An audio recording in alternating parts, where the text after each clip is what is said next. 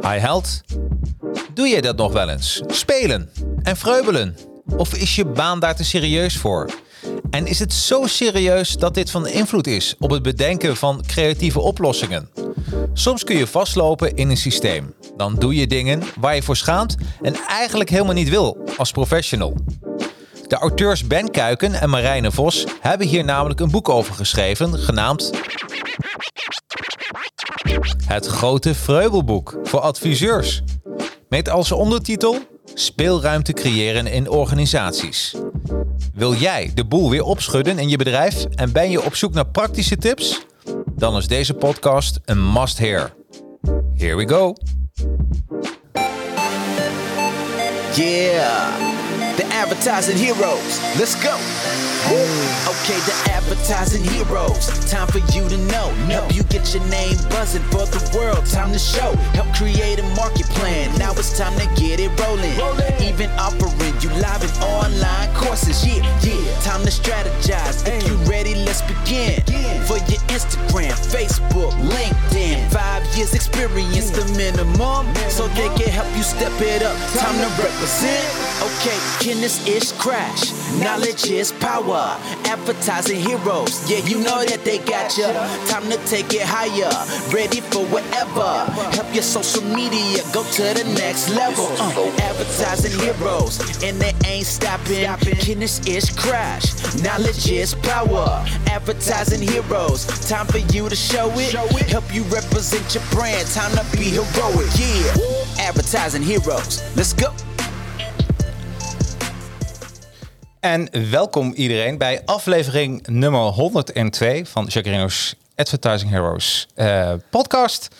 Ja, ik heb afgelopen eh, vrijdag, eh, zaterdag en zondag zelfs... heb ik lekker door het boek gebladerd. Want het boek wat ik deze week ga bespreken met de twee auteurs... is niet echt een doorleesboek, maar gewoon... daar kun je lekkere hoofdstukken uitpakken. Wat vind je leuk? Je kan er een beetje mee spelen, spelen oftewel vreubelen. En wat ik al zei, ik, uh, ik zit hier niet alleen. Ik zit hier samen met de auteurs. En uh, ja, en dat zijn, ik ga ze even helemaal jullie voorstellen. En met, natuurlijk met een applaus erbij. Ben Kuiken en Marijne, welkom. Goedemiddag. Ja, goedemiddag. Uh, ik zet deze even aan. Hoe lang uh, zaten jullie in de auto? Hier naartoe, naar de studio? Ja, Marijn het langste. Uh, anderhalf uur, zoiets. Ja, vanuit Amsterdam. Ja, ja kom uit Utrecht heeft ze hem opgepikt ergens oh, op een uh, parkeerplaats. Ja. En, en, gelukkig heeft ze de goede persoon meegenomen. Dat is ook belangrijk, anders zitten we hier nu met ja. Piet Zwart of zo ja. tegenover me. Had zomaar gekund, hè?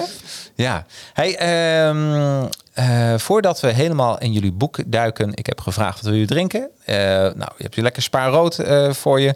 Ik drink zelf even een watertje, want het was nog even, weet je, met de hitte om nu meteen een biertje te drinken. Ik denk ook niet dat het heel slim was om zo aan het einde van, goed aan het einde van de podcast te komen. Ja, nee, nee, ik was wel verleid om. Uh, ik had in eerste instantie een biertje besteld, natuurlijk. Maar... Een IPA-biertje. Ja, ja, heerlijk. Ja, oh goed, man, uh, man, man. even wachten voordat ik, ik moet, kan beginnen. Ik moet zeggen, ik heb er nu opeens zin in. Dus, uh, nou ja. Um, als we het even hebben over, over deze podcast. Mensen vragen mij, Jacques, waarom lees je eigenlijk altijd die boeken? En dat komt bij Advertising Heroes. Wij geloven kennis is kracht.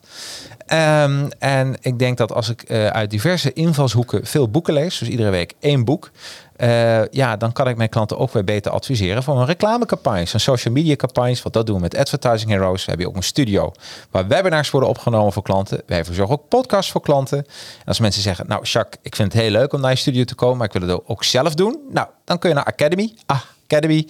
Want daar leren we mensen hoe je dat allemaal doet. Dus wil je daar meer over weten? Kijk op advertisingheroes.com of academy.nl. Een academy met een H en een Griekse I aan het eind. Nou, heb ik weer genoeg geplucht. Um, ja, ik wil toch eens even beginnen met de beroemde, de hartstikke beroemde elevator pitch. Hey, laat zeggen dat, dat jullie in een soort springkussen staan. Want een, een elevator is nou ook een beetje zo, zo knullig bij een vreubelboek. Springkussen en we gaan samen een minuutje springen. En dat je niet buiten adem raakt. Dus dan moet je heel goed zoeken naar, de, naar je woorden. Wat ga je nou precies vertellen? Wat ga je doen? Uh, ben, hoe zou jij jouzelf aan mij voorstellen tijdens het springen op de springkussen? Oké, okay, nou hi, ik ben uh, Ben en ik, uh, ik spring graag op het kussen. Uh, ja, ik heb filosofie gestudeerd. Eh, dus ik kijk ook graag dingen op zijn kop leggen. Hè? Dus ik spring ook graag op, mijn- op mijn kop. En dan eh, krijg je een ander perspectief op de werkelijkheid. En nou ja, dat bevalt me wel eigenlijk. Dat is eigenlijk ook een beetje spelen wat ik voortdurend doe. Ja. Eh, spelen met taal, spelen met betekenis. Ehm, en, en ja, nou ja, wat ik zeg, daar vermaak ik me wel mee. Nou, en dan spring ik, eh, dan ben ik helemaal blij van jouw antwoord. En dan spring ik heel vrolijk naar Marijne.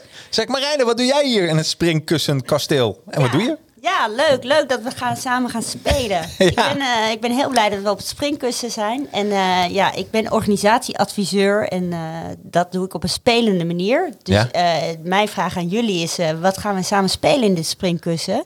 Want dan gaan we nieuwe dingen ontdekken. Dus Ja. eh, misschien mogen we niet op de blauwe, maar alleen op de gele kussens springen. En kijken wat we dan gaan ontdekken met elkaar. Oh ja, de vloer is lava. Een beetje dat, dat gevoel hè, Precies, krijg je dan. precies. Ja, leuk. Dus eigenlijk, eh, jij bent een organisatieadviseur, Ja. eh Marijne. En eh, jouw achtergrond is eh, filosoof, kun je dat zeggen? Filosofie? Ja, Filosoof? nou, ik heb in ieder geval filosofie gestudeerd. ja, En ik noem mezelf tegenwoordig sinds een aantal jaren organisatiefilosoof. mooi. Ik heb ook een boek geschreven met die titel. Ehm, maar wat dat dan precies is, daar ben ik nog een beetje aan het ontdekken, zou ik maar zeggen. Dus, ik ben nog een beetje aan het springen. Eh, want dat is natuurlijk interessant. Ehm, eh, je, je noemt jezelf iets. Ja? Jij noemt jezelf eh advertentie-expert of iets dergelijks. ja al reclameadviseur of... eh, ja. Ja. ja, en dan kijken mensen natuurlijk op een bepaalde manier naar je. ja, terwijl je, ja, op het moment dat ik zeg ik ben Ben, dan is het alweer een hele andere eh, manier van kijken. Ja. Of ik noem mezelf organisatieadviseur en dan is het weer, eh, weet je, het zijn allemaal rollen eigenlijk die je voortdurend speelt. En om daarmee te kunnen spelen, dat is eigenlijk een beetje wat, eh, wat we proberen te doen, ook, Ja. eh, ook met ons boek. Leuk hoor. Ik krijg trouwens een, eh, een berichtje binnen. eh eh, eh, Marijne, je mag dadelijk lekker in de microfoon nog dichterbij houden. En dan wordt harder praten. Dan, dan wordt, krijgt iedereen wordt verrast door jouw mooie stem. Nou, hoe mooi is dat? Ehm, even kijken. Jullie Een boek. licht trauma van mij, want eh, vroeger mocht ik in de auto achterin nooit zingen. Mijn zusje wel, want die kon Oh. goed zingen en eh, ik moest Stil zijn. stil zijn. Nou, Dus, hier eh, niet. Hier bij ja, Advertising ja. Heroes, hier, hier zijn we een paar druktemakers bij elkaar. Dat kan ik je vertellen. Dat is echt... eh, Oké, dus eh, ik zal mijn best doen. Ja, helemaal goed. Praten. Ja, helemaal goed. En eh, ja, we zijn hier Boekreview. voor de boekreview. Het grote Vreubelboek. Je ziet hem ook achter ons. Dus dat ik nou zo doe is totaal overbodig. Maar ach, dan heb je hem nog dichterbij. En het is een heel mooi boek. Want als je ziet hoe die is opgemaakt. Eh, ik kan zeggen dat dit het... het, het eh, eh, mijn vriendin is, die, die staat voor een groep kleuters les te geven. En eh, meestal als ik met een boek kom over management en marketing en eh, persoonlijke ontwikkeling, ja, dan, dan ziet ze me wel lezen, maar ze zegt nooit van, eh, laat me ook dat boek eens bekijken. Dit was het eerste keer, de eerste keer dat ze zei, ik wil het boek ook bekijken. Ik wil het boek ook even, ja, want het is een, even compliment aan jullie designer ook. Ja. Wat een mooi boek. Hein, hein van Putten. Hein van Putten. En ja, we hebben eigenlijk samen met hem ook dit boek. Het was echt een feestje om samen met hem dit boek te maken. Ehm, we zijn er allebei, alle, alle drie, redelijk open ingestapt. Mhm. Eh, en het was gewoon, eh, het was gewoon plus op plus op plus. Hè? Dus we Ja. zijn voortdurend op elkaar gaan plussen. En hij heeft, ja, hij heeft er zo- zo'n bijzonder boek van gemaakt. Hadden wij ook niet van tevoren kunnen bedenken, zeg maar zeggen. Dus hij heeft Ja. ook echt gewoon iets heel veel toegevoegd aan het, aan het boek. Nou, is echt heel mooi. En, eh, eh, en voor iedereen die net als ik een beetje gek is op superhelden. Er zit ergens een Batman in verstopt. En je moet zelf raden waar. Hij is ergens verstopt. Dus dat, dat, maakt, het, dat maakt het al superleuk. Ehm 172 pagina's. Eh, normaal heeft een boek echt verschillende soorten hoofdstukken. Hier kon ik hem niet in ontdekken. Hij deed me een beetje denken aan een vakantieboek. Die ik vroeger wel eens had. Zomer. Was dat ook een beetje de bedoeling? We horen het wel vaker. Dus, eh, en het is zeker de bedoeling dat je ermee aan de slag gaat. Dus dat was ook echt ons doel. Dus het Ja. idee was ook echt van eh, dat in ieder geval mensen ermee gaan vreubelen. Dus dat de vorm past bij de inhoud die wij eh, wilden overbrengen. Ja. Ik weet niet of je al het vliegtuigje hebt uitgeknipt, maar dat wordt ook echt een vliegtuigje. dus het idee is ook echt dat je ermee aan de slag gaat. Dus ik zou zeggen, lekker meenemen op Ja. vakantie. Ja, want dat kan gewoon. Je kan ook kaartjes uitknippen. Eh, dat kan ook allemaal. En verdere kaartjes bestellen bij jullie webshop trouwens. Dat stond er ook even bij. Als je meerdere kaartjes wil bestellen. Ja. Ja, hoewel we dat nog niet echt eh, nog niet hebben ingevuld, zou ik maar zeggen. Oh ja, Dus nee, het is nee, eh, Dat het kan. Als de eerste bestelling komt, dan gaan we erover nadenken hoe we dat, eh, hoe, ga- we dat, dan- hoe we dat gaan doen. Dan gaan, dan gaan jullie even lekker vreubelen. Over Ja. vreubelen gesproken, wie was meneer Vreubel? Wie wilt die antwoord eh, aan mij geven? Die geef ik door aan Ben. Oh, die toch wel? Je bent hem. Nou ja, als je even googelt, dan kun je inderdaad vinden dat uh, vreubelen komt van het woord eh, vreubel, eh, meneer Vreubel. Ehm, dat was een eh, onderwijskundige die in de 19e eeuw in Duitsland heeft bedacht dat kinderen vooral eh, leren door te spelen. En hij was de eerste eigenlijk die een ehm, die een vreubels, vreubelschool heeft opgezet. Hè. Dus kinderen moesten al spelend eh, leren. Ja. In plaats van stilzitten in de klas. En, eh, en hij heeft ook bijvoorbeeld eh, de blokkendoos. Die ken, kent iedereen waarschijnlijk nog wel. Ja. Is ook een uitvinding zeg maar, van hem. Want hij vond ook belangrijk dat, dat kinderen ook bijvoorbeeld vormen. Dat ze dat ook gewoon fysiek... eh, dat ze daar ook fysiek mee aan de slag. Dus op, op, hè, als je een vierkant blokje hebt Ja. dan, dan voel je dat en dan weet je beter wat een vierkant is dan als je dat alleen maar op papier ziet bijvoorbeeld. Dat begrijp ik. En Ja. op die manier heeft hij dus heel aanschouwelijk onderwijs als het ware ontwikkeld. En nou ja, goed, in de, tot, tot in de jaren 60, 70 denk ik, had je in Nederland inderdaad ook nog vreubel, vreubelscholen. Oh, echt? Die bestaan ook? Die, hebben bestaan? Die hebben echt bestaan. En eh, tegenwoordig noemen we dat de kleuterschool. Of de, ja, de kleuterschool eigenlijk. Ja. Ehm, ja, en dat was echt op basis van de theorie van meneer, eh, van, van meneer Vreubel. Wat grappig, want in, op Wikipedia staat dat eh, de heer Vreubel dus eh, de kleuterschool eigenlijk heeft uitgevonden. Ja, ja. Dus dat vind ik wel een ding om even bij stil te staan. Ja. Toch? Ja. Zeker. Is een held, ja. En ik denk dat we daar ook weer een beetje weer terug moeten naar meneer Vreubel. Ja. Als ik zo nu kijk naar de kleuterschool. Mijn dochter zei laatst, kwam ze uit de, uit, ze is net begonnen op school. En toen zei ze, ja mama. En toen was ik zo blij, want toen hadden we nog eh, tijd om te spelen. Toen Oh. ging ik me wel een beetje zorgen maken. Want, Oh, echt eh, waar? ja, ja, ja. Ze, hadden, ze hebben dan een kiesbord. Ja. Maar blijkbaar is dat dus niet, wordt dus niet geassocieerd met spelen. Ah. En als dat dan af is, dan had ze nog tijd om te spelen. Dus ze had een goede dag gehad. Ja, oh, misschien ligt het ook een beetje aan de school. Want ik weet dat bij, bij het, eh, ze hebben nu Piratenweek of Piratenthema bij eh, de school van mijn vriendin. En er wordt er heel wat afgespeeld. Ik zie er altijd foto's voorbij komen. Misschien is dat ook. Ik denk ook wat, en dan gaat het boek ook over creativiteit. Ja. Hebben, misschien moeten de leraressen en leraren wel getraind worden op creativiteit. Nou, ik denk dat het ook heel erg afhankelijk is van welke leraar of lerares je hebt. Hè? En Ja. dat is ook eh, als we dan even het bruggetje maken naar organisaties toe, Ja. waar ons boek natuurlijk voor is. Ja, Dat is natuurlijk ook afhankelijk van wie je eigenlijk in je organisatie hebt die die creativiteit kan opzoeken of niet. ja precies. Ja, dat begrijp ik. Ja, oh wat leuk. Dus, en dat is meneer Vreubel. Hij is eigenlijk eh, de bedenker, de uitvinder van eh, de kleuterschool. En op een gegeven moment eh, dachten jullie, weet je wat? Dit is onze inspiratie voor het boek. Want daar hebben we het over het grote Vreubelboek voor adviseurs. Ehm, dan vraag ik me toch af, wat is nou het verschil tussen vreubelen en spelen? Ja, nou ja, dat is natuurlijk niet zo heel duidelijk aan te geven. Dat is ook een beetje wat iedereen, welke associatie iedereen ook heeft. Ja, En daar spelen we dan ook weer mee met die betekenissen. Ehm, maar ik denk dat het wel belangrijk is om te benadrukken dat ons boek ook bedoeld is om mensen aan te zetten om zelf hun eigen spel te maken, bijvoorbeeld. Hè? Dus de vreubelen gaat veel meer over het, nou ja, zeg maar even heel plat eh, plakken en knippen. ja, Dus je maakt je eigen vorm. Dus het is niet zo dat ons boek zit, daar zitten wel werkvormen in die je kunt gebruiken in je organisatie bijvoorbeeld. Maar wij vinden het veel interessanter om, om na te denken, dat je mensen na, na gaan denken over hoe kan ik mijn werk nou leuker maken bijvoorbeeld. Hoe Ja. kan ik dat, hè, dus ga, ga vreubelen met je werk bijvoorbeeld of met je organisatie. Of, dus maak er iets, iets eigens van. Ja. En, en tegelijkertijd je, je het eigen maken. Nou, en, en ik wil daar ook nog even terugkomen op de werkvormen. Dat was voor mij iets nieuws in mijn wereld. Heb ik nog nooit eerder van gehoord. Hè, als reclameman. Ehm, maar als ik even kijk naar, eh, dat vond ik leuk. eh Mathieu Weggeman, die wordt door jullie ook geïnterviewd. Een pagina 46. En wat ik heel mooi vond wat hij schreef, en zo keek ik er eigenlijk ook een beetje naar. Heb ik nou het goede antwoord, uh, goede boek aan? Zo niet, dan weet ik het wel uit mijn hoofd. Eigenlijk zegt hij dat, ja, ik heb hem hier. Ehm, ehm, even kijken, als we kijken naar Mathieu uh, Weggeman, uh, is hoogleraar organisatiekunde aan de TU Eindhoven en schreef meerdere boeken over Rijnlands organiseren en provocatief adviseren. Nou, en ik citeer hem even. Vreubelijk klinkt uh, mij wat te vrijblijvend in de oren, terwijl spelen dat vraagt om kaders.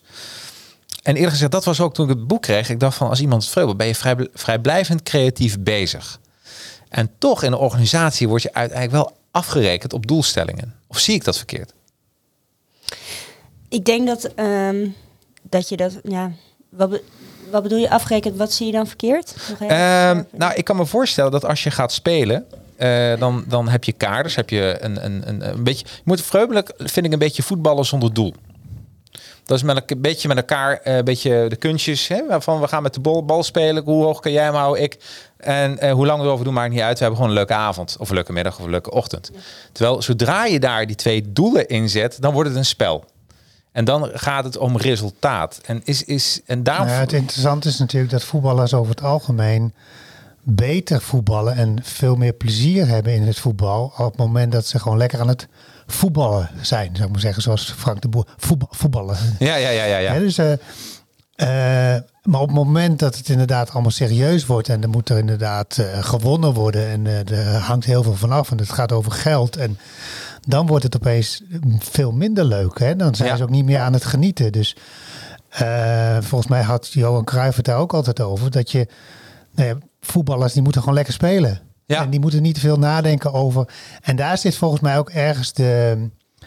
Uh, ja, natuurlijk, organisaties hebben, hebben bepaalde doelstellingen. Hè, dus ja. dat is, en er zit heel veel moeten ook bij en heel veel regels. En tegelijkertijd is het wel de kunst, denk ik, om het speels te houden. Om, het, om, om niet te veel bezig te zijn met die doelen. Maar om, om vooral ook met elkaar het leuk te hebben. En, want dan is het resultaat uiteindelijk ook veel beter. Ja, ja, daarop aanvullend, want uh, je pakt even de bal van mij af, uh, Ben, om even in dezelfde ja. vorm te blijven spreken. Um, want uh, ik was aan de bal. Um, ja, ik speelde hem over, hè? Ja, speelde, ja precies. Oh, ik, zag hem onder, ik zag hem gewoon een beetje zo schoppen, inderdaad. Ja, het voelde niet helemaal zo. Um, maar eigenlijk, je denkt dat als je bezig bent met een doel te behalen, uh, je aanname is dat als je dat niet aan het doen bent, dat je ja. dan minder resultaat zal bereiken. Ja. En ik denk juist dat spelen en vreubelen heel erg belangrijk is geworden. Want wat je nu ziet, is dat mensen zo bezig zijn met een doel te behalen of een stuk aan te schrijven, dat we eigenlijk vooral heel veel aan het kopiëren zijn. Ja, ja. Vanuit een soort angstdenken, oh ja, wacht even, straks moet ik iets inleveren en dan heeft het het doel behaald of, of is het niet uh, goed geworden. Hè? Ja. En daarom pak ik maar dat andere wat on online staat of een jaarverslag wat we eerder hebben geschreven en veranderen we het wat. En ik denk dat we weer terug moeten gaan naar vreubelen en echt nadenken. Ja. En echt spelen. En dat je dan weer komt tot creativiteit. Ja. Ik denk dat er heel veel gevaar zit in dat doelgericht denken. Ja. Want het, moet snel, het moet morgen. Oh ja, wacht even. Oh ja, we kunnen allemaal mensen gaan uh, samenspelen. Dat kunnen we Ja. doen. Oh ja, maar wacht even, daar is geen tijd voor. Wat, wat als ze dan niet zeggen wat eigenlijk in dat stuk moet staan? Nou, oeh, dat is wel heel spannend. Ja. En ehm, eh, eh, er is een heel goed boek van eh, Luc Peters, Cliché en de Leuze. En die beschrijft ook, die, die heeft allemaal jaarverslagen gecontroleerd. En hij kwam erachter dat al die ja- jaarverslagen van een NGO, van een andere organisatie, allemaal dezelfde dingen in staan. Ja, ja, ja, ja, ja. Ja, klopt. En dat ja. is denk ik het gevaar. En dat komt niet omdat uh, we niet creatief zijn, maar ik denk echt uit een angstdenken dat, uh, dat je als je gaat spelen, dat er misschien wel veel mooiere dingen uitkomen. Ja, ja, ja, ja. ja. En, en daarbij is het ook zo dat uh, als je wil dat ieder minuut van de dag dat mensen renderen, dan uiteindelijk raakt iemand ook helemaal, dan raakt een organisatie volgens mij ook helemaal uitgeput. Ja. ja. Hè? En, mm. en, en, en, en ik kan me voorstellen door jullie boek dacht ook van wat als je nou een vreubelweek zou inlassen voor medewerkers. Waardoor eigenlijk wordt gezegd, joh, wat eruit komt, komt eruit. We hebben wel wat spellen om het te begeleiden, want dat staat ook in jullie boek. Uh, maar voel, uh, uh, ja, weet je, creativiteit ontstaat wel bij leegte. Ja. Hè? Want dan pas ja. kan het gevuld worden. Dus, ja. ja. Nou ja, en wat, wat, wat je veel ziet natuurlijk als het over spelen gaat en over, dan mag het er, mag het er een beetje naast. Hè? Dus dan gaan, ja, ja, we. Met, gaan we met z'n allen een dagje op de hei zitten ja. en dan, gaan we, dan mogen we spelen. Ja. Terwijl het veel waardevoller kan zijn om met elkaar te onderzoeken van kunnen we nou tijdens het kunnen we het werk spelend maken? Kunnen we het precies. werk? Uh, volgens mij levert dat uiteindelijk veel meer op. Alleen ja. moet je dan wel even het, uh, het ook loslaten. Ja. Want het kan ook mislukken. Dat is het, dat is het interessante natuurlijk. Ja, absoluut, absoluut. Dus, en dat begrijp ik helemaal. Hè? Dat als je zegt van oké, we gaan het eh, wat, wat ehm, dingen nieuw, opnieuw bekijken. Dat betekent ook dat je met een blanco canvas kan beginnen. Dat is ook belangrijk. En, eh, en dan kijken ja, op een creatieve manier hoe je dingen eruit kan halen. En dat staat in jullie boek en dat gaan we nou ook doornemen. Ehm, als we even kijken naar eh, jullie schrijven over de fases van een spel. Weet u hem zo uit je hoofd? De verschillende fases van een spel, wat ik zelf heel leuk vond. Nou, die geef ik even door aan Marijne. Um, ja, eh, ik weet niet of ik de goede termen kan uh, zeggen, maar in ieder geval, je hebt een soort opstartfase. Ja. Waar je eigenlijk kennis maakt met het spel en waar je ook kennis maakt met elkaar en ook een beetje met de spelregels. Ja. Dan stap je in de magische cirkel. Dat betekent eigenlijk dat je vergeten bent dat je aan het spelen bent. Hè? Ja. Dus je bent eigenlijk, uh, dat kan je zo goed zien bij kinderen, die zitten er dan helemaal op. Dus alle elementen die je tegenkomt, dat komt dan onderdeel in het spel. Maar je ziet ook vaak in bijeenkomsten hè, dat je zegt, oh ja, we zijn de tijd helemaal vergeten tijdens Ja. de brainstorm. Dus dat heb je. En dan heb je ook de eindfase. Ja, En, ehm, en de eindfase, dat neem je eigenlijk ook weer afscheid uit het spel. Dus dan kom je er eigenlijk weer uit. Ja, dus dat ja. is volgens mij zo... eh, gewoon, gewoon de, de forcering. En de uitnodiging is ook heel belangrijk. Hè? Dat je wordt uitgenodigd voor een spel met een soort enthousiasme. Ja, zeker. En ik denk ook wel dat ehm, wat, ook, wat we ook hebben gelezen over spelen, dat de vrijwillige deelname ook een van de belangrijkste aspecten is van spel. Ja, Dus je kan het niet afdwingen. Dus ik ben de laatste tijd ook wel aan het onderzoeken van wat zou je nou willen doen als mensen niet willen meespelen. ja. Want je kan niet zeggen, oh ja, nee, iedereen moet meedoen. Nee, nee, tuurlijk niet. En dat is, maar dat is ook, en daar moet je mensen enthousiast voor krijgen. Hoe ga je dat dan doen? Dat is ook weer zo'n. eh, het moet wel leuk zijn. Mensen moeten ook de waarde daarvoor inzien. Ja, precies. En eh, ik denk dat, het ook, dat je daarbij ook best wel veel vergelijking kan leggen met, met kinderen. Van, oh ja, maar die verleid je ook om mee te gaan doen. Met, ik heb een zoontje, die zal niet zo snel stappen in iets nieuws. Nee, Maar als je hem even laat meekijken... en als hij iets ziet of iets kleins mag of een eigen inbreng... dat vind Ja. ik heel erg belangrijk. Ja. En dat zie je ook in organisaties te weinig. Maar wat mag je meedoen met het spel, hè? Bepalen wij alle spelregels als we gaan spelen? Of mogen mensen ook zelf spelregels bes- beslissen? Dat precies. zie ik nog veel te weinig in organisatie, in bijeenkomsten. Ja, Nou, dan wordt het leuk. ja. Dan stap je in. Ja, ja en dan, eh, ik, ik durf te zeggen, ik heb het eh, ook zelf gezien en meegemaakt, is dat als er te veel regels worden eh, gemaakt, dan zie je dat de mensen mur worden en ze eh, eigenlijk ook niet meer mee willen doen met het spel van een ander. Ja, ja zeker. Nou ja, en wat, wat, wat natuurlijk vaak met regels, dan gaat het vaak over van bovenaf opgelegde regels. Ja, En, en wij zeggen eigenlijk van, nou ja, kun je samen ook regels bedenken. precies. En dan ook niet te veel. En eh, op een gegeven moment als je denkt van, nou, deze regel werkt niet, kun- kunnen we het ook mooier maken? Kunnen we het ook leuker maken? Kunnen we het ook... En dus voortdurend bezig zijn met, eh, hoe kunnen we het, kunnen we het mooier maken? Ja, precies. En daardoor En komt de creativiteit. En dan Ja. krijg je denk ik ook een eigen DNA als organisatie. Want dan eh, gaat het ook goed werken. Maar dat is wel een goede vraag. Hè? Want wat is dan als mensen bijvoorbeeld niet gemotiveerd zijn? dan krijg je toch weer van Simon Sinek, komt hij toch even voorbij, de why, de waarom.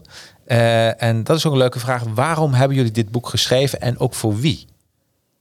Wie, wilde hem, eh, wie, wie pakt die bal? Precies.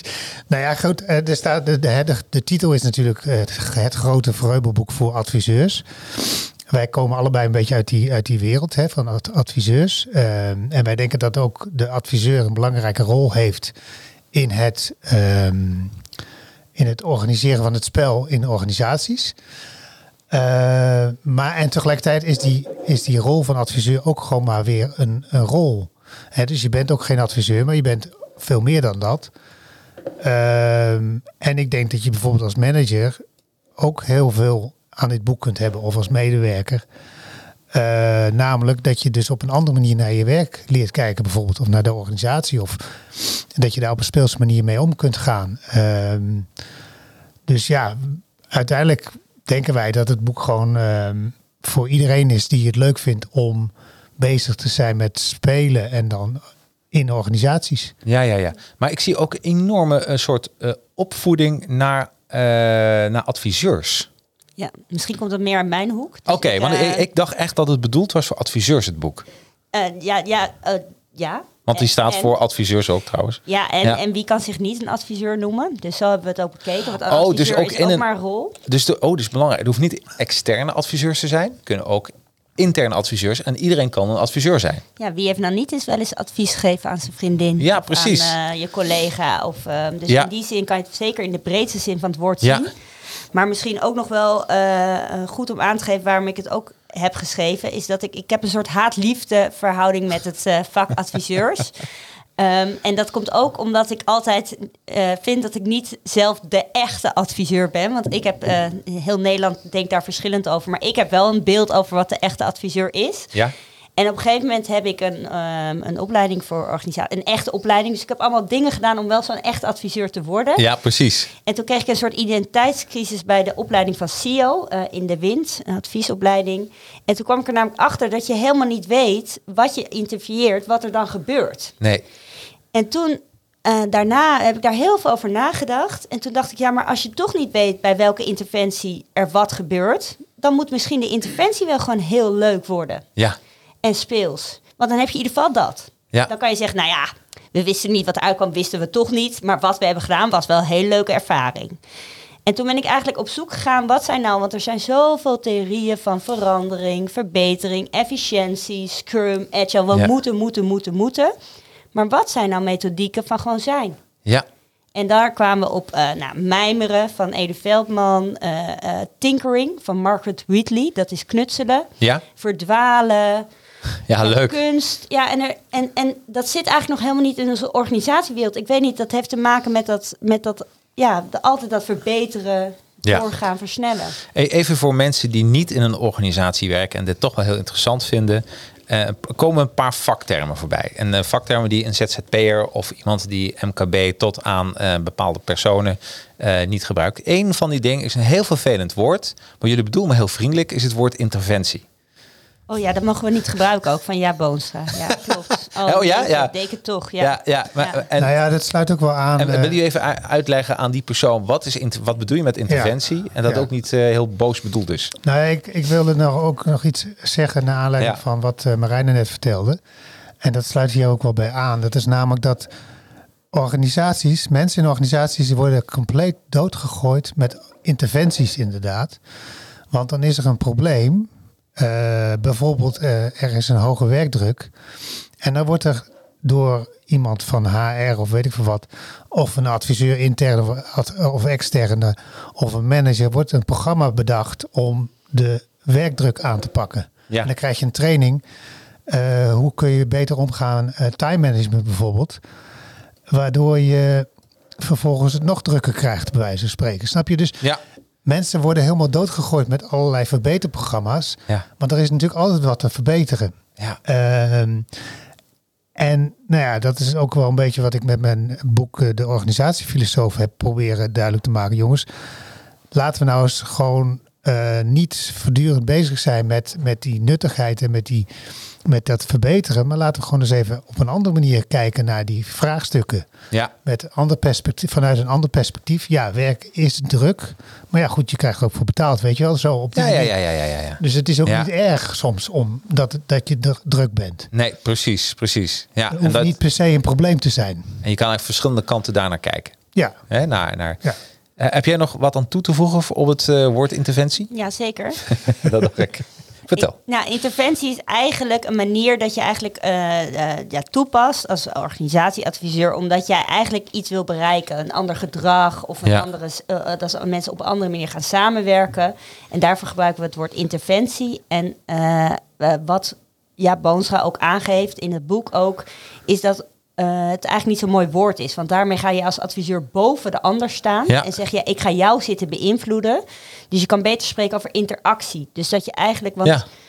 Ehm, als je goed kijkt naar organisaties, je kan dat niet beïnvloeden. Dus Thijs Homan beschrijft het ook heel mooi, dat het een bak is van biljartballen. Ja. En je kan er wel een interactie, een andere interactie mee veroorzaken. En dan kan je zien wat er gebeurt. Maar het is zo complex. Ja. Dus het is misschien ook wel een beetje, en dat is mijn haatverhouding met adviseurs, arrogant om te denken dat ik als buitenstaander die dan in een organisatie komt, dat zou kunnen beïnvloeden. En dan ook eigenlijk wel in een korte termijn perspectief, want ik word maar drie maanden ingehuurd en dan Ja, ga ik allemaal dingen proberen en ik weet het dan beter. En dat is een beetje mijn eh, haatreactie. Ik kan me dat voor. En eh, in de, in de marketing hebben we gezegd: de culture is eat strategy for breakfast. En als je dan even probeert binnen te komen, een paar maanden, ben- je bent nog geen onderdeel van de cultuur, dan wordt het sowieso heel moeilijk. Ja, en tegelijkertijd ben je soms ook gewoon als adviseur eh, onderdeel van het probleem. Ja, Snap je? De- Ja. Je bent ook onderdeel van die interactie. ja precies, precies. En dat vergeten we vaak, dat je inderdaad zelf ook een rol hebt daarin. ja.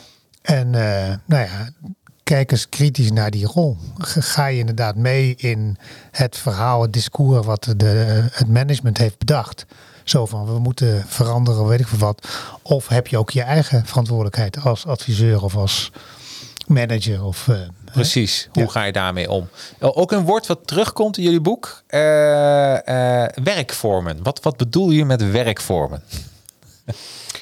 Nou, werkvormen, eh, google het maar even. Je, je kan er heel veel verschillende manieren van vinden. Maar werkvormen zijn eigenlijk eh, manieren die je eh, in een groep gebruikt waar je met elkaar mee aan de slag gaat. Dus je hebt verschillende werkvormen voor brainstormen, je hebt verschillende werkvormen bes- voor beslissen. Ja. En je hebt verschillende werkvormen voor nou ja, ook stukken schrijven. Dus dat, zo kan je dat zien. Maar het zijn eigenlijk, ja, soms zie ik het gewoon als, als ik het uitleg aan mijn eh, Ja. kinderen. Dan zeg ik, ja, spelletjes voor volwassenen. Oh, dat zijn werkvormen. Spelletjes voor volwassenen. Ja. Er zijn, er zijn ook zien. complete werkvormenboeken. Ja.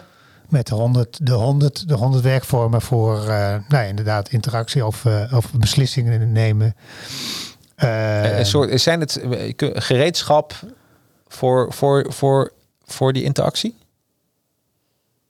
Ja, het zijn een soort trainingsvormen, zeg maar, Trainingsvormen. Waar, je, waar, je, waar je in organisaties mee aan de slag kunt. Ja, precies. Maar wat wij dan vervolgens zeggen van maak je eigen werkvorm. Of, of, maak je, maak, pak een werkvorm en maak die, maak die je eigen. Zodat, het, zodat je iets toevoegt Ja. als, als individu. Ja, en belangrijker, ehm, en dat heeft ook vaak met theorieën. hè, Dus iedereen wil nu Scrum gaan hanteren of iedereen wil naar zelforganisatie. Even, even- en, en we gaan helemaal Ja? tot... eh wat is Scrum? Scrum, ja, ja, ja nou, dat, is, eh, dat, is, dat moet je niet... eh, nee, Scrum is eigenlijk ook een managementmethodiek... Ja? die in veel organisaties wordt ingevoerd om eigenlijk beter te kunnen samenwerken. Ja, ik ben geen Scrum-specialist, dus misschien moet je die nog een keer uitnodigen. Ja. want Ik leg het vast helemaal verkeerd uit. Maar ehm, het idee is dat er in managementwereld en organisatiewereld zijn een aantal overheersende theorieën die dan eigenlijk op dat moment onder de aandacht komen en iedereen denkt, oh ja, dat wordt dan de oplossing gezien voor betere samenwerking. En wat we dan weer gaan doen is, oh ja, zelforganisatie heeft best buurtzorg gewerkt, laten we dat gaan kopiëren. En dat is ook vaak met wat we met werkvormen zien. Van, oh ja, dat is een leuke werkvorm, laten we dat ook hier gaan doen. Maar de vorm is, eh, of de theorie, dat is niet wat ertoe doet. Het gaat om het doel wat je wil bereiken. Ja, ja, ja. En daar zitten een aantal denkstappen natuurlijk over. Van werkvormen, ik ben gek op werkvormen. Maar het gaat er natuurlijk over welke doel wil je met de bijeenkomst bereiken. En wat is daar dan passend bij. Ja, ja, ja. En dat zit een beetje die, dat kunst van het vreubelen. En Maar ik weet- wat is nou Scrum? Ik ben nog steeds... Hoe moet ik dat visualiseren? Hoe, hoe, hoe zou je mij dat spelende wijze kunnen uit uitleggen? Agile wereld. Ik weet niet of je agile iets... Dat Nou, iets de luisteraars kennen het absoluut dus vanuit, niet. vanuit de IT is Ja. inderdaad ooit bedacht van hè, vroeger had je de watervalmethode. Ja. Dan ging je gewoon een ontwerp maken en dan eh, vervolgens ging je dat implementeren. Ja? En tegenwoordig hebben ze een andere visie. Dan zeggen ze eigenlijk we gaan gaan- gaandeweg gaan we iets, een IT-systeem ontwikkelen. En dan zijn we voortdurend in gesprek met de gebruikers. En op die manier. En dan heb je een, een Scrum team die daar dan verantwoordelijk voor is. Ik leg het vast ook niet heel goed uit. eh, als het- ja, je moet echt... de Scrum. nee, ja. Maar goed, Ja. dus het gaat erom dat je, dat je dus interactief eh, eh, voortdurend aan het bijveilen bent. Ja. Voortdurend aan het, en dat doe je samen met, in een Scrum Een team. En dat is eigenlijk een beetje, nou ja, dat, dat, ja, dat is een methode die, eh, die veel gebruikt wordt, met name inderdaad in de IT. Ja. Maar inmiddels eh, zijn er ook eh, Scrum teams eh, op HR-gebied. En eh, Zo, ik pak dan iedereen vanuit zijn eigen discipline dan eh, iets beet, een samenkomst bij elkaar. En ik zie wel eens, als ik op Scrum zoek, hè, bij mijn, eh, want ik ben natuurlijk reclamemaker. En dan zie ik van die mooie beelden staan met allemaal van die gele Ja, briefjes. ze doen elke dag een dagstart. Ja, hè? Dus eigenlijk, kijk, we hadden het net over spel. Ja. Maar eigenlijk kan je veel van die dingen ook zien als spel. Ja, met precies. spelregels. Dus een organisatie kan je natuurlijk ook helemaal zien als één groot spel. Ja. Met spelregels. Dus veel mensen denken, oh spelen, die plaatsen dat in een ander hoekje. Hè? Van het is niet serieus. Ja. Maar als je gaat kijken naar organisaties, naar dat soort theorieën van, oh ja, maar dat is eigenlijk ook spelen. Ja. We hebben ook een aantal spelregels afgesproken dat we een dagstart Precies. doen, dat we het met elkaar doen, dat we eh, kleine stukjes doen. Dat zijn gewoon een aantal spelregels van een spel die je met elkaar afspreekt. Ja. En wat wij eigenlijk daarmee zeggen is, ja, maar als je het zo ziet, dan kan je ook die spelregels weer met elkaar opnieuw gaan herdefiniëren. Ja, ja, ja, ja. Dus kies dan niet een vaste scrum-spelregels, maar ga met elkaar in gesprek van welke spelregels willen wij eigenlijk hier. Voor onze hanteren. Eigen, om de creativiteit Ja. weer een beetje los te krijgen. Ja. Want daar gaat het dan om. Precies. Ja. Ja, precies. Ja. Hey, ehm, en als we dan even kijken naar eh, wat ik een heel grappig vond, eh, is ehm, iemand van jullie schreef, ik weet niet wie, eh, de adviseur als cheerleader. Ja, Ja, dat, dat is Marijne. Ja. Maar, oh, Oké, daar ben je. Wat, wat, wat bedoel je ermee, eh Marijn? Nou, eh, het Ze is wel zijn je... vergeten, helaas. Ik zat er stiekem al een beetje aan. eh, aan oh, ja. Nee, maar dat, dat, dat eh, heb je niet goed. Want Ik heb mentale pompons. Oh, ja, ja, dat stond ook in je boek. Mentale pompons had je Mentale pompons. Nee, en dat is wel mooi dat je dat vraagt. Want Ja. ehm, dat is mijn liefde voor het vak. Ja. Want toen ik er namelijk achter kwam van... oh ja, maar als ik niet weet welke interactie nou leidt tot wat... Nee. toen ben ik ook veel breder gaan kijken naar onze rol. Want ehm, ehm, eigenlijk, eh, en dat is wel mooi, als adviseur heb je een veel grotere, veel meer rollen in een organisatie dan je denkt. Eigenlijk iedereen, hè? Dus Ja. iedereen die in een organisatie stapt, is natuurlijk niet alleen maar de adviseur voor je opdracht of jouw taak is dit. Nee. Maar je bent veel meer. Ja. En eh, de, de adviseur als cheerleader, eh, dat is een rol die bij mij heel goed past. Dus daarvoor herken ik hem ook. Is eigenlijk dat ehm, als je in een organisatie komt, jij bent straks weer weg. Dus ik hoef het niet te gaan doen als er iets, iets gedaan moet worden. Dat moeten anderen, dat moeten anderen doen. Ja. Ehm, dus ik, ja, ik kan wel een plan schrijven voor hun, maar ja, dan gebeurt er helemaal niks. Dus het moet hun plan worden, maar ze moeten het ook echt denken van ja, ik zet er iets in wat ik straks ook echt ga doen, want anders heeft het totaal geen nut. En wat ik dan vaak doe, is dat ik gewoon eigenlijk zeg, ja, ja, mooi, ja, zeker. Nee, maar kan ik dat? Ja, ja zeker kan je dat. dat. Dat gaan jullie gewoon doen. Ja, dat ziet er zo uit. Ja, oké, go for it. Ja, ga ik met management praten? Tuurlijk ga je met management praten. Yes. Even positiviteit. Ja, precies. ja heel Ja. goed. Heel... Dat. En dan eigenlijk, en ook staat te juichen als het gebeurt. Joehoe, Ja. we hebben het gedaan. Joehoe, we gaan het vieren. Yes, Ja. oké. Ja, Ja. Dat is mijn eh, cheerleader. Wat eh, goed. Maar dat moet, wel, eh, dat moet wel authentiek zijn. Kennen jullie die reclame nog van Kuppersoep? Van, eh, Ja. eh, weet je? Vier uurtje. Vier uur. Ja. Met, wie, wie is die acteur nog eens? Die, die was ook een kale man. Ehm, eh, die, nu even niet. Ja. Misschien ken je hem nog Ja. wel. Ja. Maar die was ook aan het cheeren. Maar dat, was, dat zag je, dat was niet echt. Dus er moet wel, denk ik, authenticiteit bij komen. Dat het ook echt, echt gevoeld en Nou ja, beleefd het wordt. past eh, precies bij Marijne. Dus eh, dat is, eh, Ja, precies. Is puur echt. En, Ja, ja, maar dat is ook- belangrijk dus. Je Ja, ziet ook meteen de twinkeling in de ogen. En, eh, Ja, Nou nee, ja, je hebt absoluut. net gehoord over die strips. Ja. Kwam ik enthousiast over? Ja, absoluut. je van nou, dat de, eh, beetje... Maar dat is dus wel belangrijk. Het moet, eh, eh, het is niet een kunstje wat je kan Nee. doen. Hè? Dus eh, je hebt ook mensen die hebben, de- die, die zijn geen geboren cheerleaders. En als die dat gaan doen, dan denk je, nou, nou, nou, oom Henry doet even gek, weet je? Dat gevoel krijg je dan. Ja. Ja, Zeker op cursus geweest, zeggen we. Ja, zeker. ja, ja. Nou ja, ik Dat denk... zou trouwens een mooie naam zijn voor een nieuw boek. Zeker op cursus Ja. geweest. ja. Ik zou meteen registreren. Ja, ja. Ja. Iedereen herkent dat ook, hè? Ja. ja. Ja, geweldig. Hey, maar leuk. Ja, nee, wordt heel enthousiast van de, de adviseur als cheerleader. Ehm, wat ook belangrijk is, doe ik natuurlijk ook voor deze podcast, maar ook voor eh, het organiseren van spellen, eh, het bewaken van tijd. En daar hebben jullie een mooi zandlopermodel voor bedacht. Of misschien was hij er al, maar hij staat bij jullie in het boek. Wie van jullie kan daar iets over vertellen? Wat we daarvan kunnen leren? Hoe bewaken we met z'n allen de tijd? Ja, nou ja, ik kan er iets over zeggen. Hè. Dus normaal gezien, als je bijvoorbeeld een werkvorm doet, dan is het eh, de meestal de, degene die de werkvorm heeft bedacht en heeft eh, de, de adviseur, die bewaakt dan vaak de tijd. En wij zeggen eigenlijk van, nou ja, kun je dat ook samen doen? Hè? Ja. Maak jezelf, maak je gezamenlijk verantwoordelijk voor, voor de tijd. En als het dan iets uitloopt, ja, dan is dat ook gewoon de gezamenlijke verantwoordelijkheid, snap je? Dus Ja, ja, ja. in plaats van dat je dus één iemand aanstelt om de tijd te bewaken, kun je ook zeggen van nee, dan gaan we samen. En het werkt ook echt als je dus Ja. bijvoorbeeld een standloper neerzet en je zegt iedereen heeft één minuut om zich even voor te stellen.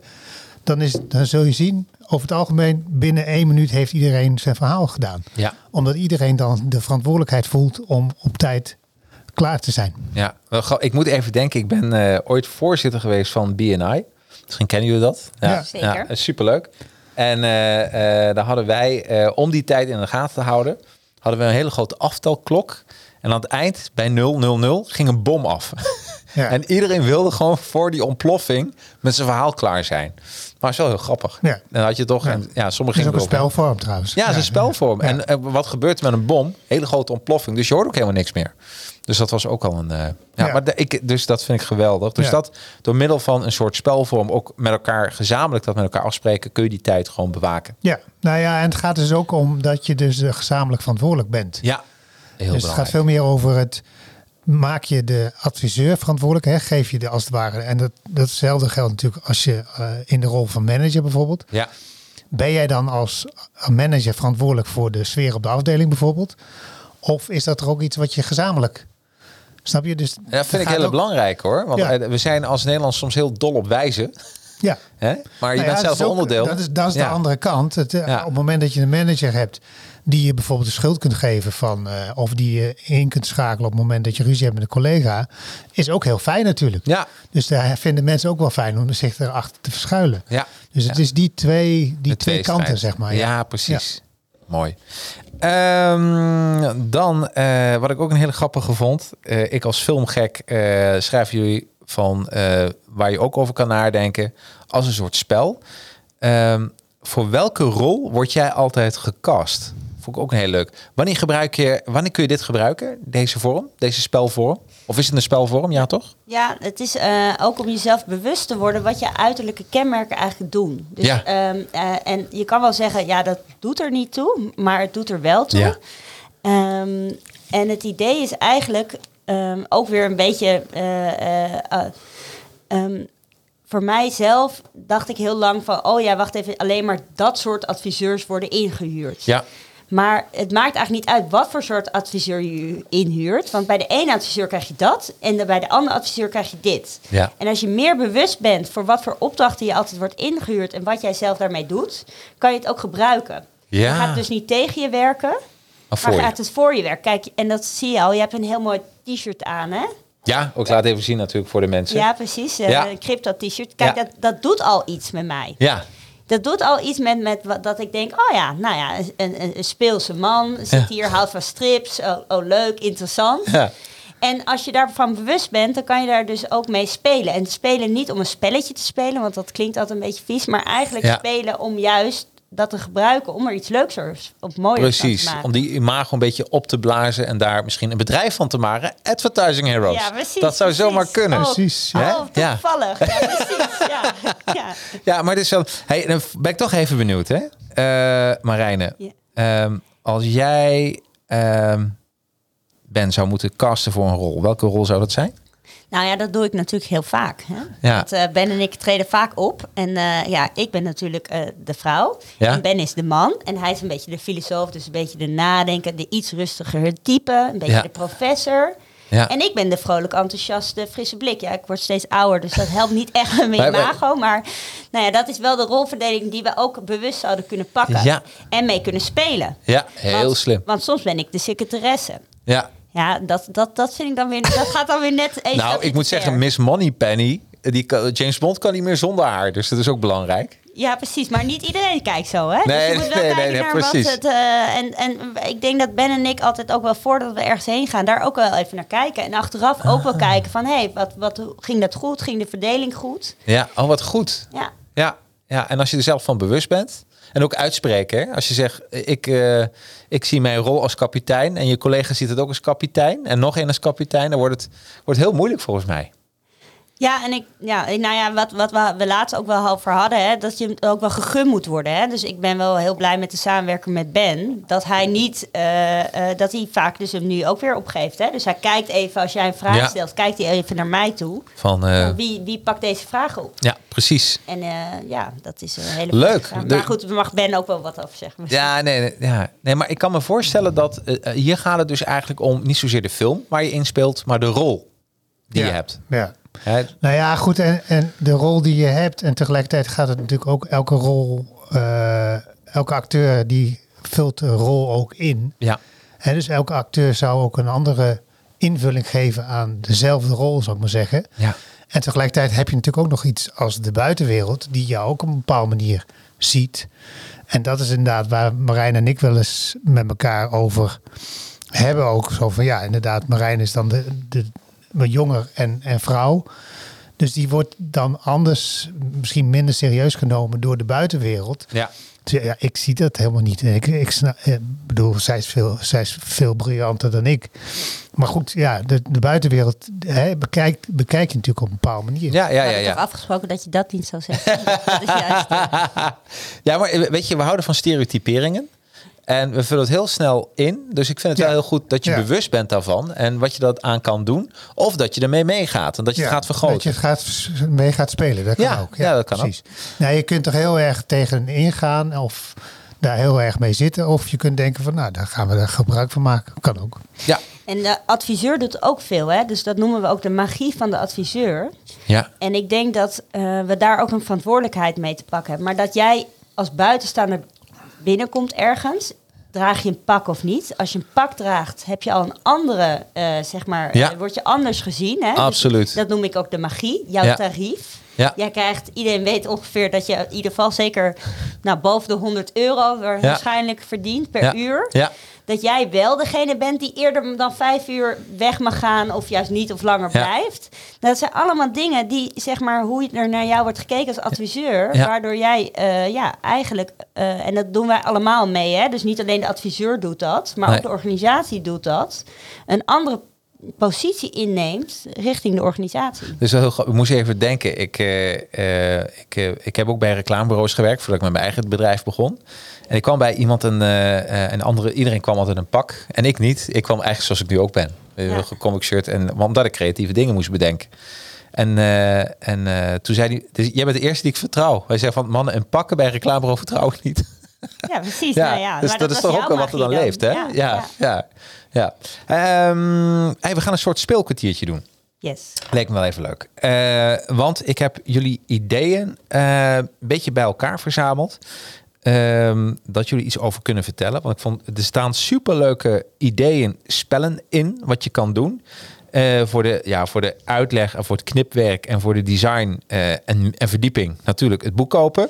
Het grote Vreubelboek voor adviseurs. Maar om je een beetje zo'n zo'n lekker smaakje te geven in je mond en in je hersenen. Dacht ik van, is misschien even leuk. We beginnen met het, eh, het allereerste idee. Het verrassingsdoosje. Wie heeft hem bedacht? Ja, dan moet ik bij Marijne zijn. Marijne, Ja. Marijne, wat, wat is het? Marijne heeft En- sowieso en- de meeste dingen bedacht. Hè, dus, ik bedenk helemaal niks eigenlijk. Marijne, wat gaan we Puur doen met een toeval, verrassingsdoosje? Hè? Dat weten we, puur toeval. Het verrassingsdoosje. Het verrassingsdoosje is een, een vorm waarvan je zegt... oké, ehm, je vraagt eigenlijk het liefst zou je aan mensen uitvragen... wat zijn verschillende kunstvormen of eh, dingen die jij mooi vindt... muziekstukken, filmpjes, nou ja, zo. Ja. Die verzamel je allemaal, dus die verzamel je ook fysiek. En Je, je mag weer iets dichterbij brengen, ja, de microfoon. die- nee, je mag hem ook zo doen. Oh zo. ja, oké, ja. Ja, helemaal zo. Ja, top, top. Weer die microfoon.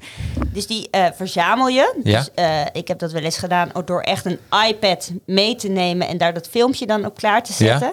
En die pak je in in een heel mooi doosje. Dat is Oh. heel belangrijk. Ja. En dan, eh, dan zet je die doosjes op tafel. Ja? En dan mogen mensen een doosje, nou, eh, doosje uitkiezen. Ja? En daar zit dan die vorm in en die gaan ze dan luisteren of horen. En zo word je eigenlijk verrast. En waarom het een eh, ja, verrassingsdoosje is, is dat wij daar gewoon gek op zijn. Verrassingen. Maar, maar dit kan van alles zijn. Het kan ook een, een boek zijn of een... Ja, dus ik, had, ik heb het wel eens gedaan met opdrachten. Dus toen heb ik ze verzameld en toen waren het dus allemaal opdrachten. Dus een had een eh, tekenopdracht, de ander Ja. had een film. En toen mochten ze wel kiezen welk aspect ze het meest bij hem vonden passen. Hè? Zo Ja. kan je nog een beetje variëren. Dus eh, nou, toen zei iemand, nou, ik kies voor eh, lezen. Nou, en dan pakte hij, nu kreeg hij een cadeautje. Ja, ik weet niet of je mensen wel eens met een cadeautje, dan word je ja, toch ook weer een beetje word je toch blij hè? van. Ja. En dan, het was, het was ook heel mooi in gouden papier. En dan pakken mensen het zo uit en dan hadden ze dat boek. En dan zei ik, nou, dan ga je dat lezen. Ja. En dat was de startpunt van een workshop om dus even een andere mindset te krijgen. Ja, je komt meteen echt met een glimlach. Wat ik zo leuk vond, ik, ik visualiseerde dat. Ehm, en ik zag het gewoon voor me dat je inderdaad, wat ook in het boek staat, je komt binnen en je ziet al die cadeautjes, al die verrassingsdoosjes, zie je gewoon staan. En er Ja. wordt gewoon gezegd, pak er maar een. Ja, Een soort Sinterklaas. Eh. wat Sinterklaas. ja. precies. Ja. Ja, Ja, nee, en, klopt. en dat is leuk. En daar, dan ga, kom je al met een glimlach, begin je al. Er wordt, weet je, er gaat niet zitten en als een baby dat er gewoon eten in je, in je mond wordt gedrukt. Nee, je mag zelf gewoon spelen en er wat pakken. Ja, en er zitten heel veel aspecten aan. Hè? Iemand heeft aandacht ervoor gehad. Ja. Iemand heeft zijn best gedaan, heeft het mooi ingepakt voor jou. En Ja. Jij mag kiezen. Ja, Hoe spannend is dat? En, nou, en dan vind je iets erin. ja, Ik, vond het, ik vind het echt, echt super. Wat ik ook een leuke vond, de roddeloefening. Wat is dat?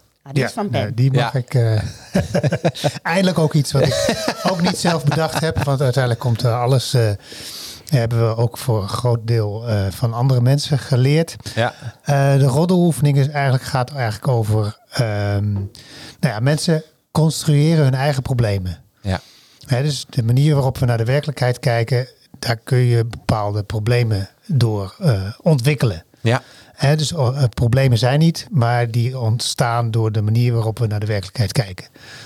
Ehm, als iemand dan vervolgens zijn of haar probleem vertelt, dan kun je als buitenstaander denk je van ja, dat, waar, waar gaat het eigenlijk over? Hoezo heb je een probleem? Iemand zegt bijvoorbeeld, ja, ik heb nog drie maanden om dat project of dat rapport te schrijven. ja. Nou ja, ik zit daarmee en ik slaap er slecht van. En dat is bijvoorbeeld een probleem wat je kunt hebben. En dan andere mensen luis- luisteren naar dat, naar dat verhaal en denken van... Nou ja, drie maanden is best wel heel veel, weet je wel. Ik heb, Ja. wel, ik heb wel eens een rapport in, eh, in een maand geschreven. ja. Eh, door dat dan terug te geven door, door middel van een roddeloefening, zeg maar. Dus dan ga je roddelen over, die, over dat verhaal van diegene. Ja. Op, een, op een respectvolle manier uiteraard. Dan kan die andere zich realiseren. Ja, waar, waar, waar, waar zeur ik eigenlijk over? Ik ja precies. Ik heb het hartstikke goed voor elkaar, weet je wel zo. Dus dat is eigenlijk een beetje een manier om eh, mensen op een andere manier naar hun eh, problemen te laten kijken. Ja, ja, is heel leuk. En, dat is, en dan, eh, iets wat eigenlijk negatief klinkt, roddelen, wordt eigenlijk heel positief Ja, gebruikt. ja, het is echt wel positief bedoeld in ieder Ja, geval. precies. Ja, leuk. Ja. Dan heb ik ook nog de, de, de, de speelse manier om te vergaderen. Ik heb ze even opgeschreven. want Ik dacht van dat is ook leuk, want iedereen die vergadert zich dadelijk weer helemaal suf. En hoe leuk is het niet als het dan even weer wat leuker wordt? En ehm, wie kan daar iets over vertellen? Ja, deze hebben we van eh, Henk en Alieke van Trooien. Ja. Die, eh, die hebben ook het ehm, platform... ehm, Nieuwe ik- werkoverleg. het nieuwe Het werkoverleg, nieuwe dankjewel.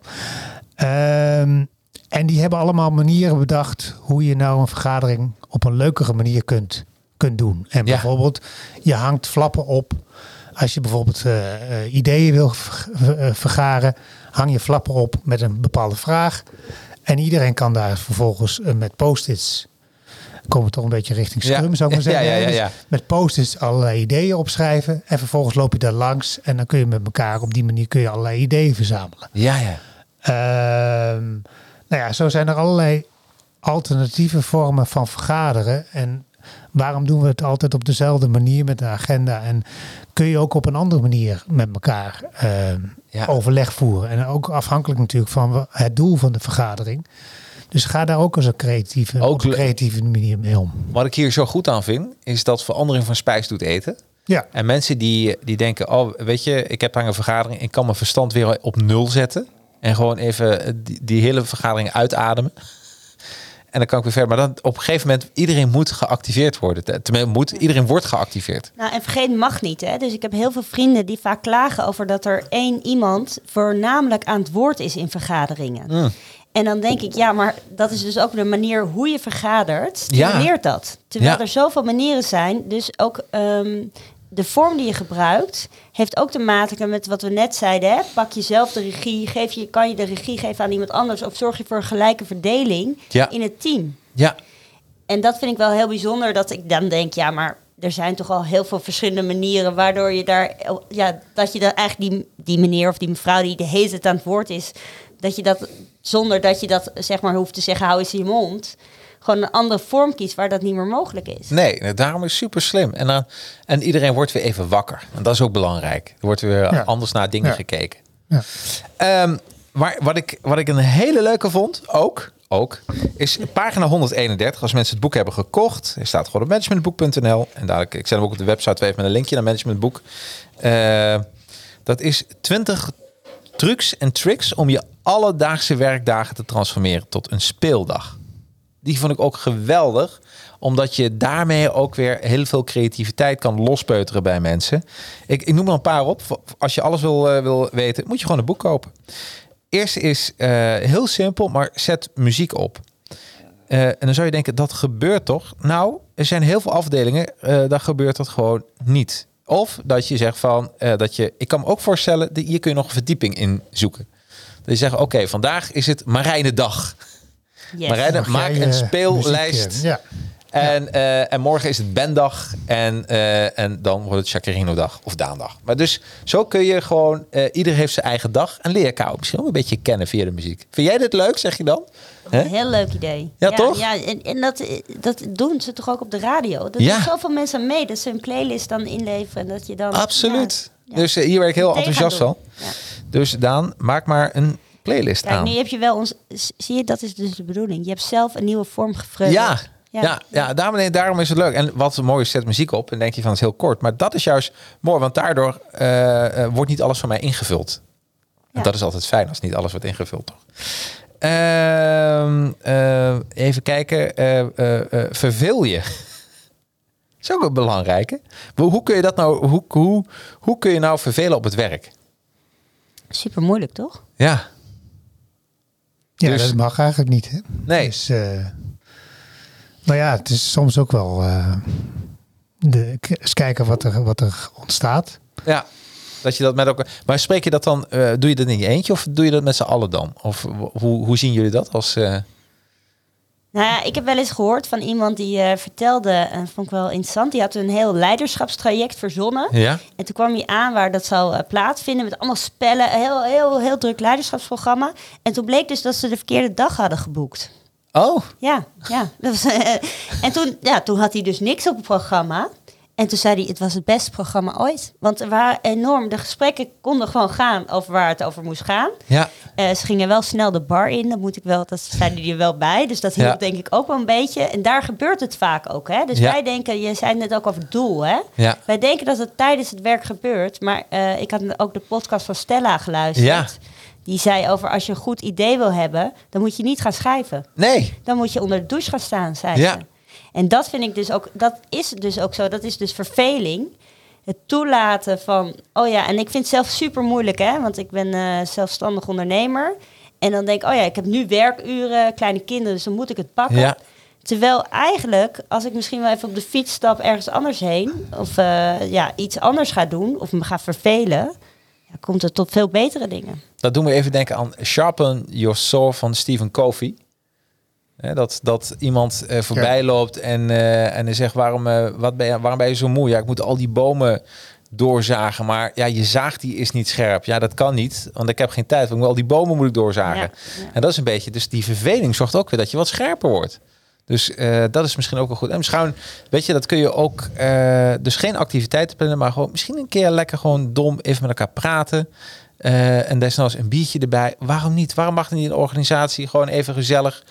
Eh, waardoor je even ook, eh, en dan kun je ook over leuke dingen praten. Je ziet ook vaak het spitsen van Ja. voetbal. Dan Ja. die spitsen, dat heb ik wel eens gehoord, die, doen echt, die zie je eigenlijk de hele tijd stilstaan. Ja, En dan om- dus op het juiste moment ja, de actie te Ja, maken van de wedstrijd. Terwijl ze voor, toch? Of Ja. niet? Ja, kijk, ik, Wendy is het niet helemaal Ja. mee eens. Ik ben, ja, zeker. Ja, Ja, nee, dus, eh, ja. ja, nee, het is voortdurend voorbereiden op, eh, op het moment dat je echt eh, iets moet doen. ja, absoluut. Ja, maar dus- het is wel, het is, de verveling is natuurlijk wel iets in onze maatschappij steeds moeilijker om te, te vinden. Dus misschien moet je dat ook een beetje eh, organiseren in de zin van, nou ja, als je bijvoorbeeld in de auto zit en je kunt je telefoon niet gebruiken, dat zijn wel de momenten waarop je, of inderdaad onder de douche kun je je telefoon ook niet gebruiken. Nee, Dat zijn wel de momenten dat je op een gegeven moment een soort van verveling hebt en daardoor en creatief daardoor creatiever wordt. Want daar Ja. gaat het om, dat je Ja. die creativiteit... eh, wat ik ook een leuke vind als laatste, want dan moet de rest... eh, natuurlijk maak je eigen bullshit bingo. Heel grappig voor een afdeling. En eh, wat ik zelf een hele leuke vond is... schaf een werkritueel af. Oh ja. Ja, dus en, en iedereen kent ze wel. Iedereen heeft zijn eigen werkritueel of met een dat je met collega's gaat afspreken van eh, wat zullen we nou eens een keer afschaffen. En wel iets voor in de plaats. Dat is ook wel leuk. Je hoeft niet alleen iets af te schaffen, maar gewoon van dat, dat er een beweging in zo'n dag komt Ja. en in je hoofd. Ja. Dus eh, Eentje die ik nog over rituelen heb geleerd, bijvoorbeeld met hybride werken. Ja. We gaan natuurlijk veel, werken we nu thuis. Is een mooi ritueel ook van sluit je dag bewust af. Want die is weggevallen. Hè? Want Ja. vroeger moest je dan, nou, deed je de kantoordeur dicht en reed je naar huis. ja. Dus creëer een ritueel voor jezelf dat je dus ook weer stopt met werken. Oh, dat doe ik zelf heel, mooi. slecht. Ja, ja. ja. kun je een voorbeeld noemen? Wat, wat zou je kunnen doen? Wat is een ritueel? Wat Ja, je die, zou... die is dus ook niet eh, van mij, maar Nee? eh, Jasmijn Mioch eh, heb ik daarvan geleerd. Maar je bureau opruimen. Dus Oh. ruim je bureau op, doe je laptop ook, sluit af je laptop en ruim je bureau op. Ja, Vond ik zelf wel, die doe ik nu. ja. Oh, wat grappig. Je zou trouwens trouw- ook gewoon de fiets kunnen pakken en dan een rondje om je huis fietsen. Ja. Maar dan heb je hem ook afgesloten. Ja, Heel lekker. Ik, eh, dat, is, dat is echt waar. Dat, ik ga met de fiets met het mooie weer naar het werk. En ik merk gewoon, dan, eh, dan, dan ben ik wat leger, kom ik thuis. Positief. Want dan heb ik het allemaal al een beetje bedacht. En denk van, dan ben je thuis. En dan ben ik gewoon echt thuis. Ja. Ben ik echt geland. Ja, klopt. Ook een heerlijke. Ja. Eh, er staan nog veel meer bij. Ik, eh, wat kun je nog meer verwachten als je het boek gaat lezen? Eh, het Ninja-spel. Eh, de speelse manier om te vergaderen staat erin. De magische probleemoplossing. eh, eh, en dus de speurtocht.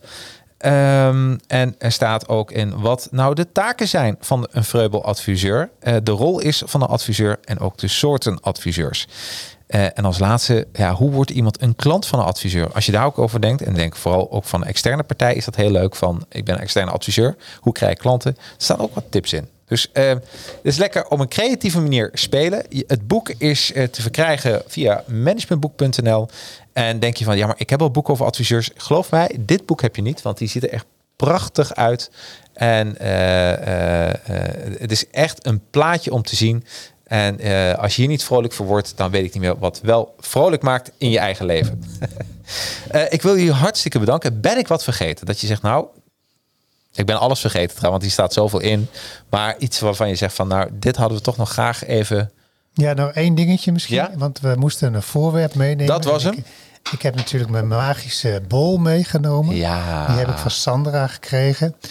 En dit is eigenlijk een soort wensbol. Dus Ja. ik wens eh, dit programma heel veel luisteraars toe. Ja, oh wat leuk, Dus dan dankjewel. we even zo en dan Ja. gaan we even schudden. En dan, dan moet je een beetje magie. Moet je ook, je Oh, moet even, je moet wel in even kijken, even hè. 3, 2, 1. Dus je moet goed, goed schudden en dan precies. Mooi Ja. geluid erbij. Ja, Nou, Nou, dat, dat, en, en ik wens, wens ik dit. eh, En ik, wens jullie, en ik wens jullie heel veel eh, verkoop toe van het mooie boek. Want het is echt een heel mooi boek. Marijne, eh, heb jij iets dat je zegt van, eh, ben ik wat vergeten? Of nee, ik vond het een zeer leuke uitzending. Dus Oh, dankjewel. dankjewel, eh, Ja. ja. Zeer goed voorbereid en nou, heel leuk om zo eh, samen hierover te kunnen ik vind het altijd Zeker. een eer dat Ja. mensen hier naartoe willen rijden. Iedere week weer. We gaan nu, jullie zijn dan eh, eh, te gast in uitzending 100, nummer 102. Maar ik vind het toch wel heel wat dat eh, mensen helemaal naar Hussen willen rijden om een verhaal te vertellen. Vind ik fantastisch. En eh, niet alleen ik, maar ook heel veel luisteraars, kijkers, maar vooral luisteraars. Die, eh, eh, we krijgen wekelijks hele leuke mailtjes en dat ze geïnspireerd zijn, een boek hebben gekocht of dat ze anders over dingen zijn gaan denken. Wat je nu hoort is mijn, eh, is mijn eigen time management, want het programma duurt een uurtje en ik denk dat is precies goed tussen eh, als je gaat rijden tussen Hussen en nou Utrecht, Arnhem, Ja, Eh, zoiets. Utrecht, Amsterdam, zoiets. Ja, dus eh, Ja. dat kan heel goed. Kan je nog een half uurtje vervelen? Ja, helemaal goed. Dat mag altijd. Hè? Want jullie sparen Rodison niet op. En eh jullie krijgen nog een kopje koffie. En eh, helemaal leuk. Dankjewel. dankjewel. Ja. Volgende week, eh Jacques, volgende week. Ja, volgende week ben ik er weer. En dan ga ik, eh, eh, en dat is wel grappig, het communicatie-DNA. Ik zag het boek van Corneel Warlop. En ik zei tegen hem, wil je bij mij in de uitzending komen?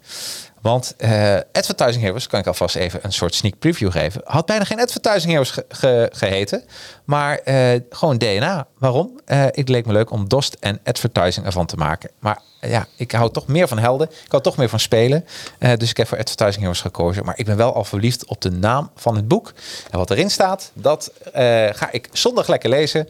En eh, vrijdag is Corneel bij mij in de uitzending en gaan we praten over het boek. Ik wens je een heel mooie, mooie week nog en tot volgende week. Hoi! Bedankt voor je interesse in deze podcast.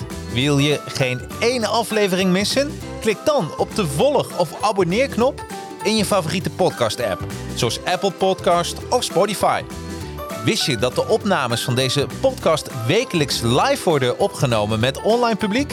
Iedere vrijdag om 4 uur op het YouTube of Facebook kanaal van Advertising Heroes. Of gewoon op het persoonlijk LinkedIn-profiel van mij, Jacarino. Over LinkedIn gesproken, connect met mij. Zoek op Jacarino en nodig mij uit voor een connectie. Zet in het bericht dat je deze podcast hebt geluisterd. Ik voeg je dan supersnel toe tot mijn netwerk. En last but not least, zou je deze podcast een paar sterren of een review willen geven? Kan gewoon via Apple Podcast of via mijn LinkedIn pagina. Zou echt helemaal geweldig zijn. En ben je van plan om een social media campagne te lanceren? Met Advertising Heroes maken we gave social media campagnes. En via Academy leer ik je hoe je ze maakt. Nou, tot de volgende aflevering.